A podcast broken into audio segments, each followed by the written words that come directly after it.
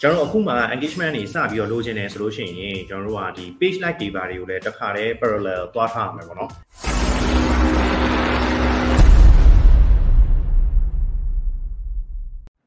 โอเคမဆဆူနဲ့မေးထားတာက boost သုံးမိမယ်တဲ့ engagement လုံးဝမရှိတဲ့ page ကိုပုံမှန်ဘာလို့တက်တက်လဲတဲ့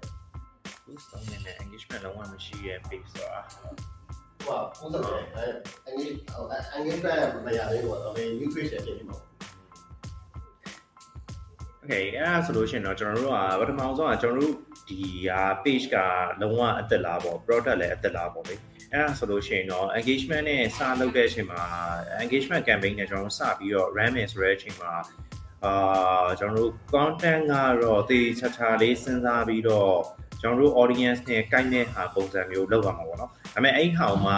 အာဈေးကြီးနေတဲ့ဟာလည်းဖြစ်နိုင်တယ်ဘာလို့လဲဆိုတော့ ကျွန်တော်တို့ ads account ကလည်းအသက် page ကလည်းအသက် audience ကလည်းကျွန်တော်တို့အသက်ဆောက်ပြီးတော့ထည့်ရတဲ့အချိန်မှာ Facebook ကိုတိုင်းဟိုကသူ့ရဲ့ landing page ဆိုတဲ့ဟာကရှိရပါတော့အဲ့တော့အဲ့အဲ့ဟာတခုတော့ကျွန်တော်တို့ဟိုအချိန်ခဏတော့စောင့်ပေးရမှာပေါ့နော်ဒါပေမဲ့ engagement မှမရှိတဲ့ page ဆိုတော့ okay ကျွန်တော်တို့အခုမှ engagement တွေစပြီးတော့လိုချင်တယ်ဆိုလို့ရှိရင်ကျွန်တော်တို့ကဒီ page like တွေပါတွေကိုလည်းတစ်ခါတည်း parallel သွားထားရမယ်ပေါ့နော်။ဒါပေမဲ့ page like ကတော့မ rank ခင်မှာကျွန်တော်တို့ content ၄၅ခုတော့ဟိုဟိုစဉ်းစားထားမှာပေါ့နော်။အဲပြီးလို့ရှိရင်ကျွန်တော်တို့ဒီ post တွေကိုကျွန်တော်တို့တင်တဲ့ post တွေကလည်းအာ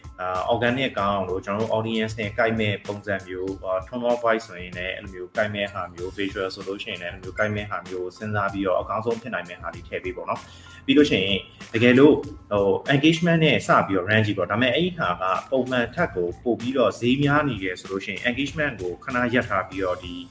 ဒီ impression လောက်နဲ့ပဲအရင် drive ကြည့်ပေါ့နော် Okay impression ရအောင်အဆင်ပြေပြီလားအဆင်ပြေပြီဆိုလို့ရှိရင်ကျွန်တော် engagement ကိုပြန်သွားလို့ရတယ်ဒါပေမဲ့အဲ့လိုမျိုးလုပ်နေတဲ့အချိန်မှာလည်းကျွန်တော်တို့ဒီ page like ကိုအာတိုးအောင်ဘေးရဘေးရနေပြီး page like အတွက်လည်း promote လုပ်နေရမှာပေါ့နော်အဲ့တော့အာ page like ကကျွန်တော်သိသလောက်က Facebook က campaign နဲ့ပဲ page like branding ဟာတော့အကောင်းဆုံးပေါ့နော်အဲ့ဒီဟာမှာကျွန်တော်တို့ဒီလိုချင်တဲ့လိုချင်တဲ့ကျွန်တော်တို့ audience ကြီးကိုပို့ပြီးတော့ရောက်မှာပေါ့